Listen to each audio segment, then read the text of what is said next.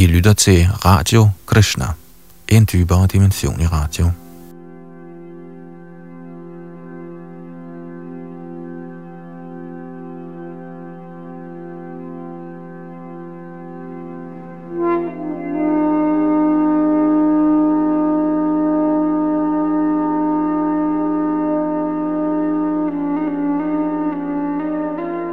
Vi sidder med en ny oversættelse af Bhagavad Gita, og øh, vi er i gang med en gennemgang af denne fantastiske bog.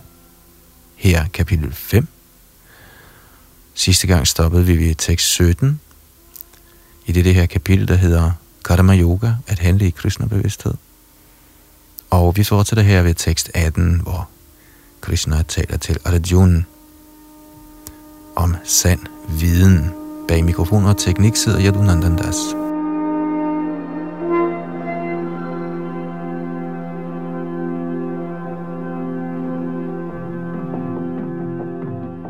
Tekst 18. Vidya Vinaya Sampanne Brahmane Gavihastini Shunichaiva Shvapakecha Pandita Samadarshinaha I kraft af sand viden ser de ydmyge vismænd med samme syn på en lært og mild brahmin. En ko, en elefant, en hund og en hundeæder, altså kasteløs. Hvortil A.C. Bhaktivedanta Swami Prabhupada har kommenteret følgende. En Krishna-bevidst person skældner ikke mellem arter eller kaster. Brahminen og den kasteløse er muligvis forskellige set fra et socialt perspektiv, eller en hund og en ko og en elefant er forskellige artsmæssigt set, men disse lægens forskelle er uden betydning fra en lært transcendentalists synsvinkel. Det skyldes deres forhold til den højeste, for den højeste herre er i sin fuldstændige del som Paramatma til stede i hjertet på alle og enhver. En sådan forståelse af den højeste er virkelig viden. Hvad kroppen i forskellige kaster eller arter angår, er Herren lige venlig mod alle, for han behandler hvert eneste levende væsen som en ven, og forbliver alligevel som Paramatma, uanset hvilke omstændigheder det levende væsen befinder sig i. Som Paramatma er herren til stede i både den kasteløse og braminen, til trods for, at braminens krop og den kasteløses krop ikke er ens. Kroppen er materielle frembringelse af den materielle naturs forskellige kvaliteter, men sjælen og oversjælen i kroppen er af samme åndelige kvalitet. Sjælens og herrens lighed i kvalitet gør dem imidlertid ikke kvantitativt lige, fordi den individuelle sjæl er kun til stede i en bestemt krop, hvorimod Paramatma er i alle kroppe. En kristnebevidst person er helt klar over dette, og derfor er han virkelig lært og ser på alle med samme syn. Sjælen og oversjælen har det til fælles, at de begge er bevidste, evige og lyksalige. Forskellen er, at den individuelle sjæl er bevidst inden for kroppens afgrænsede område, mens oversjælen er bevidst om alle kroppe. Oversjælen befinder sig i alle kroppe uden at hæfte sig ved deres materielle forskelle.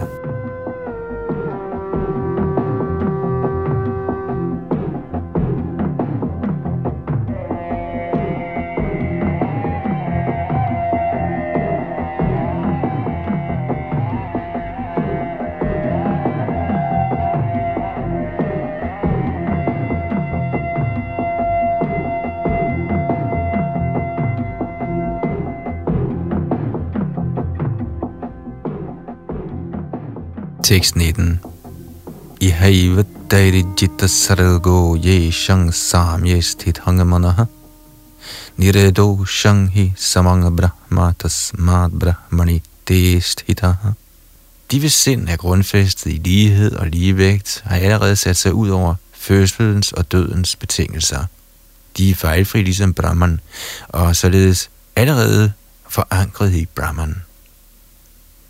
Kommentar Sindsligevægt er, som nævnt ovenfor, et tegn på selverkendelse.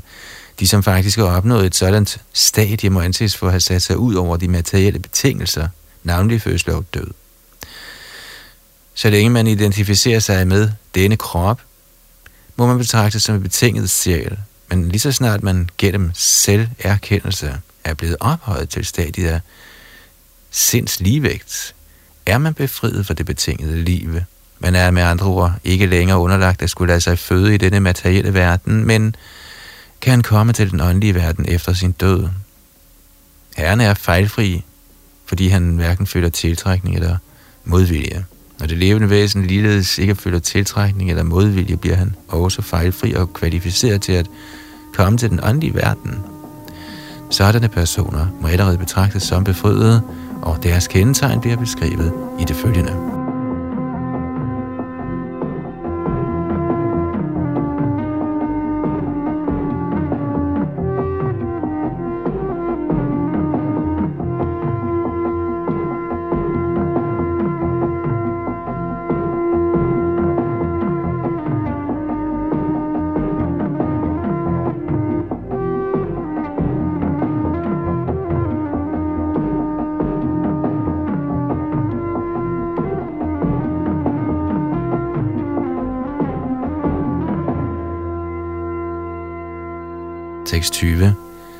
Prahrashyet priyang prapya nodvidyet prapya chapriyam sthira buddhira samurho brahma vid brahmani sthita. Den, der hverken fryder sig over at opnå noget behageligt, eller beklager sig over at få noget ubehageligt, og som er intelligent i selvet, ikke forvirret og kender videnskaben om Gud – befinder sig allerede i transcendensen. Kommentar. Her beskrives kendetegnene på den selvrealiserede person. Det første kendetegn er, at han ikke bedrages, af den fejlagtige identificering af kroppen med sit egentlige selv. Han er fuldstændig klar over, at han ikke er kroppen, men en fragmentarisk del af guddommens højeste person. Derfor glæder han sig ikke, når han opnår noget, eller beklager sig, når han mister noget i relation til sin krop. Den sinds ligevægt kaldes sthira buddhi, eller selvintelligens.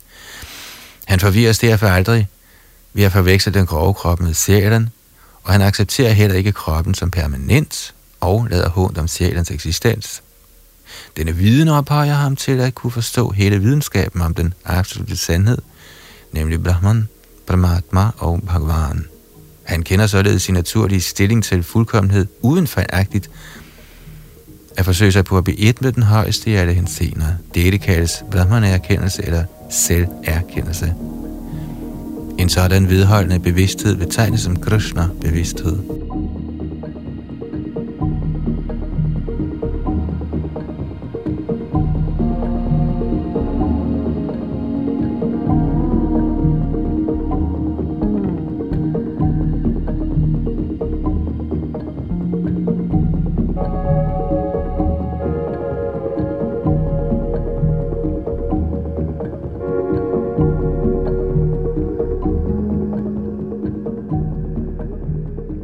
621 Bahya Sparashesh vindatya dvaniyat Sukham Sabrahma Yoga yukdatma Sukham Akshayam Ashnute. En således befriet person tiltrækkes ikke af sansenydelse, men befinder sig altid i trance og nyder den indre glæde i sig selv.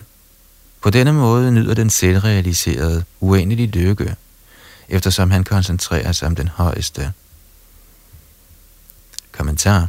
Shri Jamuna Acharya, en stor hengivende Krishna-bevidsthed, fortalte, Yadavadi mama chita Krishna padara vinde, navanavarasadhaman yudjatam rantumasit, tadavadhibata nari sangame smariyamane bhavati mukha vikara sushtu nishtivanancha. Citat. Efter jeg er blevet engageret i Krishnas transnatale kærlige tjeneste og oplever en evig frisk og stadig større glæde i ham, spytter jeg ved tanken på sexnydelse, lige så snart den dukker op, og mine læber får trækker sig i væmmelse. Citat slut. En person i Brahma Yog eller Krishna bevidsthed er i en sådan grad optaget af Herrens kærlige tjeneste, at at han fuldstændig mister smagen for materiel sansenydelse. Den største materielle nydelse er sexnydelse.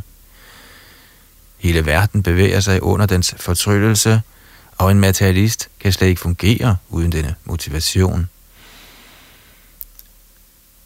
Men den, som er beskæftiget i Krishna-bevidsthed, kan arbejde med større energi uden sexnydelse, som han undgår. Det er testen i åndelig erkendelse. Åndelig erkendelse og sexnydelse passer ikke særlig godt sammen. En kristnerbevidst person er ikke tiltrukket af nogen form for sansenydelse, eftersom han er en befriet sjæl.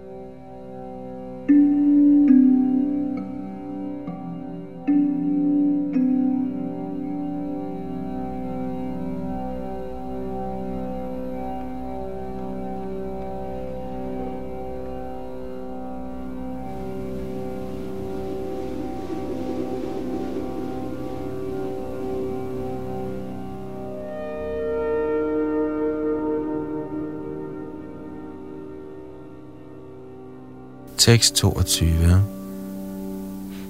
Yehi sangsparshaja bhoga dukha yonaya evate adyantavanta kaunteya nate suramate buddha En intelligent person tager ikke del i det, som er ophav til lidelse, nemlig kontakt med de materielle sanser. O Gundis søn, den slags glæder har en begyndelse over en ende, og derfor finder det vise menneske ingen fornøjelse i dem. Kommentar. Materielle glæder udspringer fra kontakt med de materielle sanser, der alle er midlertidige, fordi selve kroppen er midlertidig. En befriet sjæl er ikke interesseret i noget, der er midlertidigt. Hvordan skulle en befriet sjæl, der kender glæden i transcendental nydelse, kunne indlade sig på falsk nydelse? I Padma Purana står der, Ramante yogino nande satyanande chidatmani itirama padena sau parang brahma vidhiyate. Citat. Mystikerne finder ubegrænset transcendental glæde i den absolute sandhed, og derfor er den højeste absolute sandhed, Guddoms person, også kendt som Ram. Citat slut. I Bhagavat 5.5.1 står der også, Nayang deho deha bhajang nriloke kashtan kaman arhati vird bhujang je tapo divyang putraka jena satvang shudhyed yasmad brahma saukhyang tvanantam. Citat. Mine kære sønner, der er slet ingen grund til at arbejde hårdt for sansenydelsens skyld. Når man befinder sig i denne menneskelige livsform, den slags nydelse er tilgængelig selv for afføringsædende dyr, svin i burde hellere i dette liv underlægge jer båds øvelser, hvor igennem jeres tilværelse kan blive lutret. Som resultat vil I kunne nyde ubegrænset transcendental lyksalighed. Citat slut.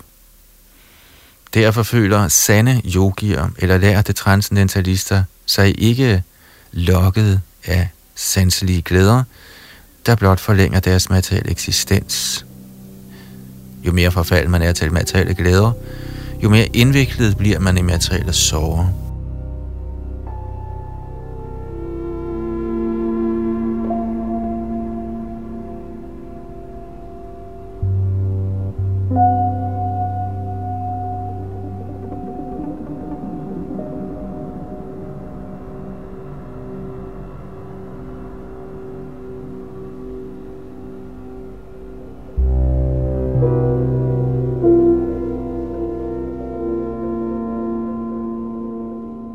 Tekst 23. Shaknoti taivaya shodhung prag sharira vimokshanat kama krodho bhavang vegang sayukta sa sukhinaraha. Hvis man kan modstå de materielle sansers drifter og bremse indflydelsen fra begær og vrede, før man forlader sin nuværende krop, er man velsitueret og lykkelig i denne verden. Kommentar Ønsker man at skride vedvarende frem på selvindsigtens vej, må man forsøge at modstå de materielle sansers drifter. Der er talens drift, vredens drift, sindets drift, mavens drift, kønsorganernes drift og tungens drift. Den, der kan beherske alle disse forskellige sanselige drifter, herunder sindet, betegnes som Goswami eller Swami. Sådanne Goswamier lever strengt beherskede liv og giver helt afkald på de sanselige drifter og materielle begær ikke øh, bliver tilfredsstillet, avler de vrede, og derved viser sig ophidselse i sindet, øjnene og i brystet. Man må derfor øve sig i at beherske disse drifter, før man forlader den fysiske krop. Den, der er i stand dertil, må forstås at være selvrealiseret, og dermed lykkelig i sin selvrealiserede tilstand. Det er transcendentalistens pligt at gøre et herligt forsøg på at styre begær og vrede.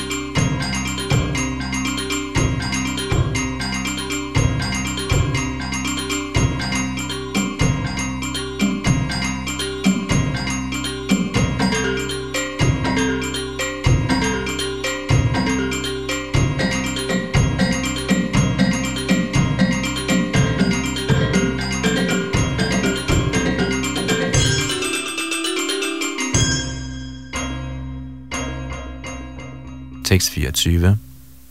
yonta sukhontar aramas tathantar jyotirevaya sayogi brahma nirvanam brahma bhuto dhigachati. Den, hvis lykke er i det indre, som er aktiv og glædes i sit indre, og hvis mål er i det indre, er i virkeligheden den fuldendte mystiker. Han er befriet i den højeste, og han når til sidst den højeste. Kommentar. Med mindre man kan nyde indre glæde, hvorledes kan man da trække sig tilbage fra ydre aktiviteter, rettet imod overfladisk ydre lykke? En befriet persons oplevelse af lykke er konkret. Derfor kan han sidde stille hvor som helst og nyde de indre livsaktiviteter. En således befriet person er ikke længere ude efter ydre materiel lykke. Denne tilstand kaldes Brahmabhut, og når man opnår den, kan man være sikker på at vende hjem tilbage til guddommen.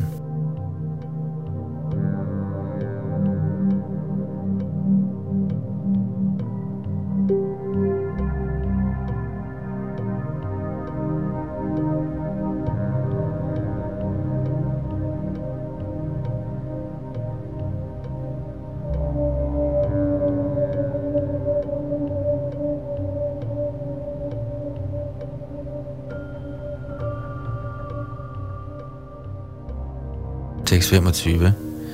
Labhante brahmanirvanam rishaya kshina karmashaha chinnadvaidha yatatmana sarvabhuta hiterataha.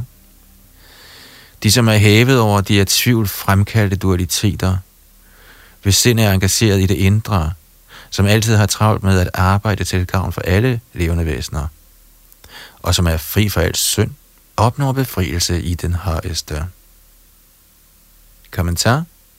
Kun den, der er helt kristnebevidst, kan siges at være optaget af velfærdsarbejde til gavn for alle levende væsener. Når man virkelig forstår, at Krishna er altings oprindelse og handler i den ånd, handler man til gavn for alle. Menneskehedens lidelser skyldes, at man har glemt, at Krishna er den højeste nyder, den højeste ejer og den bedste ven. Det største velfærdsarbejde er derfor at genopleve denne bevidsthed i hele menneskesamfundet. Man kan ikke gøre et sådan førsteklasses velfærdsarbejde, uden at være befriet i den højeste. Den Krishna-bevidste person er ikke i tvivl om Krishnas suverænitet. Han har ingen tvivl, for han er helt fri fra alt synd. De situationerne i guddommelig kærlighed.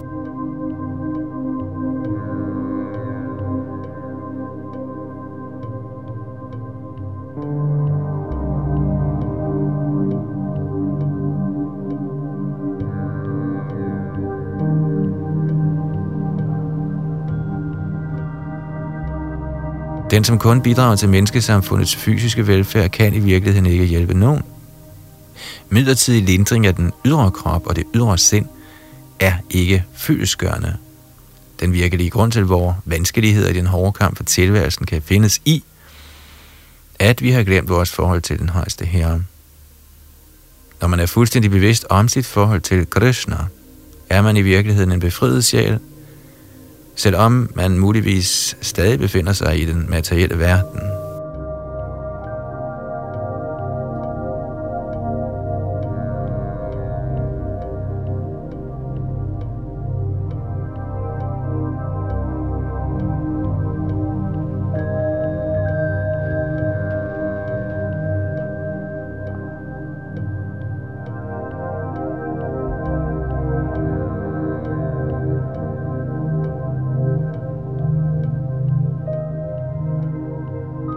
Tekst 26. Gama krodha vimuktanang yadinang yatachetasam abhito brahmanirvanang vartate viditatvanam. De, som er fri for vrede og alle materielle begær, og som er selvrealiseret, selvdisciplineret, og som konstant efterstræber fuldkommenhed, vil med sikkerhed opnå befrielse i den højeste inden for en meget nær fremtid. Kommentar. Af de helgenagtige personer, der vedvarende efterstræber befrielse, er den kristne bevidste den bedste af dem alle. Bhagavatam bekræfter dette som følger, og det er fra 4. bogs 22. kapitels 39. tekst. Yat bada banka jabala savila sabhaktya karama shayang gratitam ud grathayanti santa tadavanana rikta matayo yatayo pirudha sroto ganastam aranang bhajavasudevam. Citat. Prøv blot at tilbede Vasudeva, guddommens højeste person, i hengiven tjeneste. Selv store vismænd kan ikke beherske de sanselige drifter, lige så godt som de, der er opslugt af transcendental lyksalighed ved at tjene herrens lotusfødder, og derved rykker de dybt rodfæstede begær efter frugtstræbende handlinger op med rådet. Citat slut.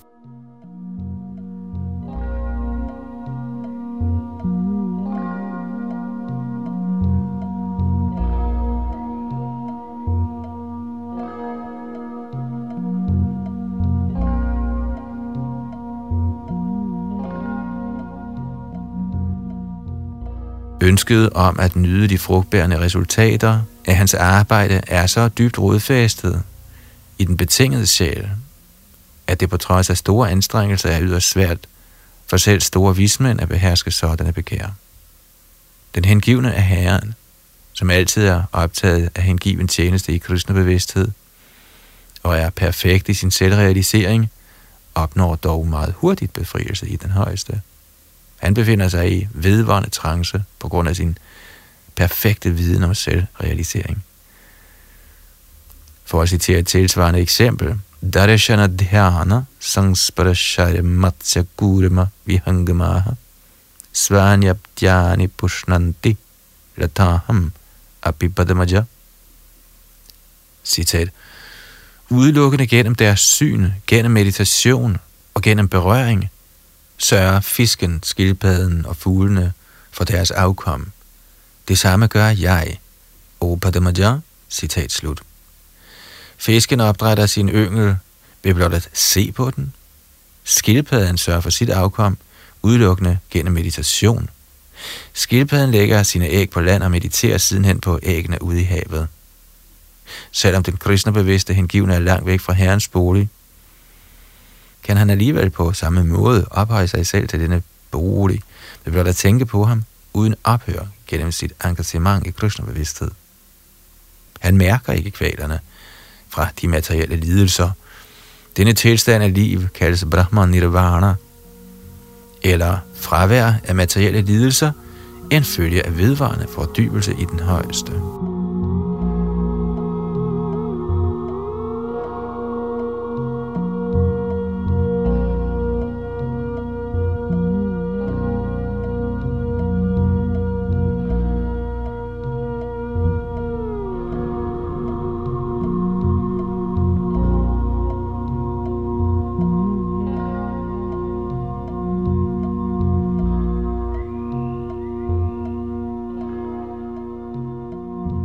27 og 28.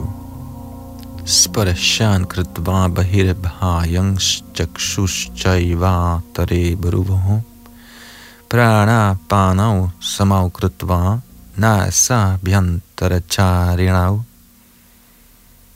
yate indriya mano buddhir munir moksha parayana vigate cha bhaya krodho ya sada mukta eva saha ved at lukke alle udvendige sanseobjekter ude og koncentrere øjnene og synet mellem de to øjenbryn, og ved at stanse det indadgående og udadgående åndedræt inden i næseborene og derved beherske sindet, sanserne og intelligensen, bliver transcendentalisten, der søger befrielse, fri for al begær, frygt og vrede.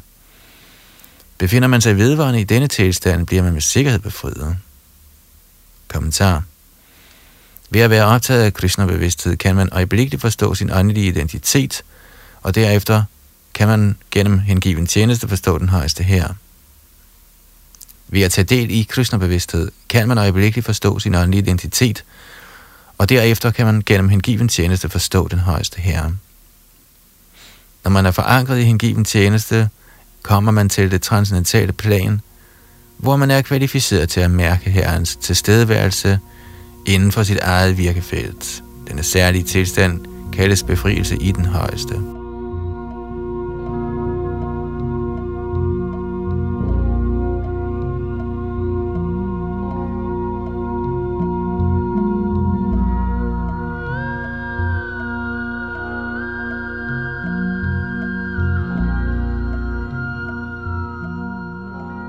Efter at have forklaret disse ovenstående principper befrielse i den højeste, underviser herren Arjuna i, hvordan man kan nå dette niveau ved at dyrke den form for mystik eller yoga metode, der kaldes Ashtanga Yoga, der kan opdeles i en ottefoldig procedure ved navn Jam, Niyam, Asana, Pranayam, Pratyahar, Dharana, Dhyana og Samadhi. Denne art yoga vil blive beskrevet mere udførligt i 6. kapitel, mens den her i slutningen af 5. kapitel kun nævnes indledningsvist. Man må udelukke sansernes genstande, så som lyd, berøring, form, smag og duft, gennem pratyahara, metoden i yoga, og derefter fastholde blikket mellem de to øjenbryn og koncentrere sig om næsetippen med halvlukket øjenlåg. Det nytter ikke noget at lukke øjnene helt, eftersom der så er en god chance for, at man falder i søvn. Det er heller ikke tilrådeligt at åbne øjnene helt op, eftersom der derved opstår en fare for at blive tiltrukket af sansernes genstande. Åndedrætsbevægelsen tilbageholdes inde i næseborene ved at neutralisere den opadgående og nedadgående luft i kroppen. Ved at øve sådan yoga bliver man i stand til at få styr på sanserne og afholde sig fra ydre sanseobjekter, og således forberede sig på befrielse i den højeste.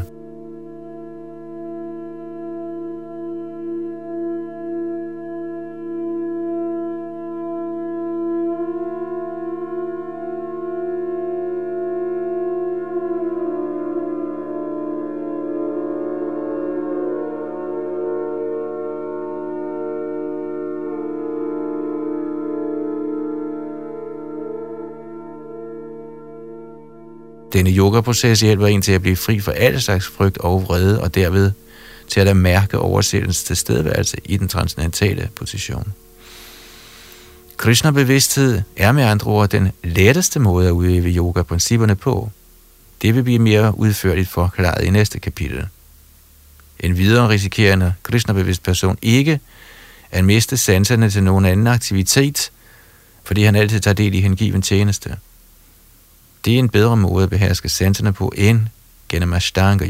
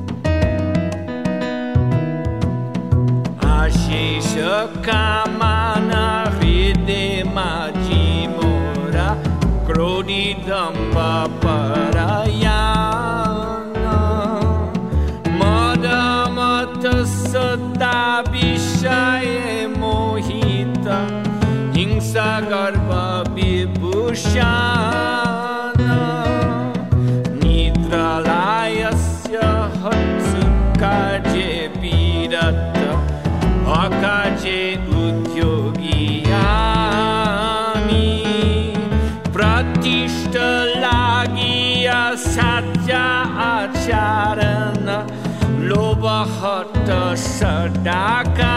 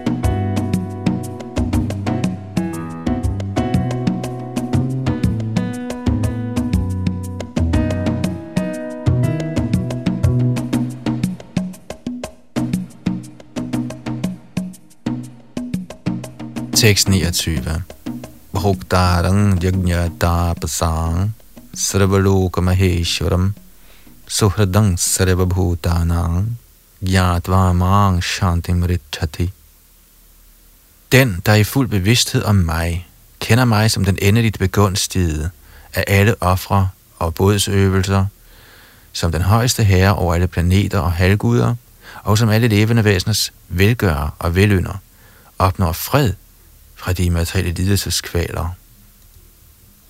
Kommentar. De betingede sjæle, der er i kløerne på illusionskraften, er alle ivrige efter at få fred i den materielle verden. Men de kender ikke opskriften på fred, som den bliver forklaret i denne del af Bhagavad Gita. Den bedste fredsformular er slet og ret denne. Herren Krishna er nyderen i alle menneskets aktiviteter. Mennesker bør give alt til Herrens transcendentale tjeneste, fordi han er ejeren af alle planeter og halvguderne derpå. Ingen er mægtigere end han. Han er mægtigere end de største halvguder, Shiva og Brahma. I Vedderne, i Svetasvatara Upanishad 6-7 bliver herren beskrevet som Dameshwaranang Paramang Maheshwaram. Under illusionens fortryllelse prøver de levende væsener at blive herre over alt de ser, men i virkeligheden ligger de under for herrens materielle energi. Herren er hersker over den materielle natur, og de betingede sjæle er underlagt den materielle naturs strenge love. Medmindre man forstår disse nøgne kendskærninger, kan det ikke lade sig gøre for fred i verden, hverken individuelt eller kollektivt.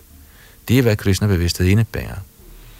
Herren Krishna er den højeste hersker, og alle levende væsener, inklusive de mægtige halvguder, er hans underordnede. Man kan kun opnå fuldstændig fred i fuldstændig Krishna-bevidsthed.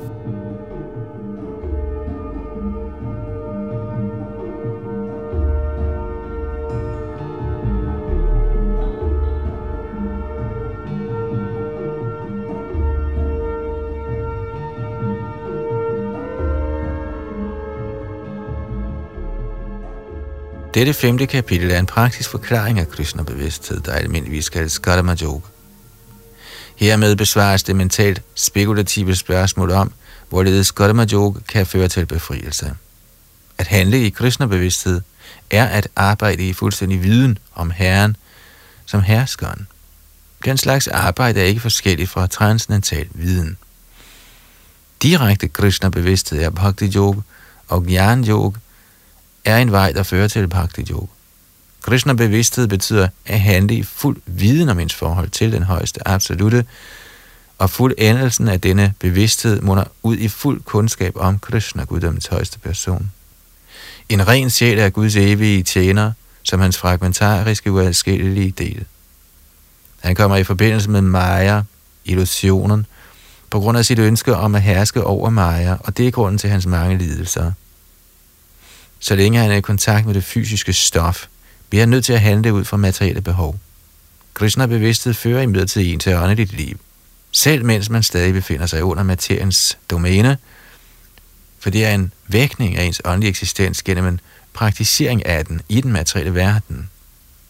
Jo mere avanceret man er, jo mere befries man fra materiens kløer. Herren er ikke partisk over for nogen. Det hele afhænger af ens praktiske udøvelse af Krishna-bevidste pligter, som hjælper en til at beherske sanserne i alle scener og overvinde indflydelsen fra begær og vrede. Og den, som står fast i Krishna-bevidsthed ved at beherske de ovennævnte drifter, er virkelig situeret på det transcendentale plan, eller Brahman Nirvana. Den otteføldige yoga, mystik, praktiseres automatisk i Krishna-bevidsthed, eftersom det endelige mål tjenes. Udøvelsen af jam, nijam, asana, pranayam, pratyahar, dharana, dhyan og samadhi er en gradvis højnelsesproces. Men disse er kun forløbere til fuldkommenheden i hengiven tjeneste, der alene kan skænke fred til mennesket. Hengiven tjeneste er livets højeste fuldkommenhed.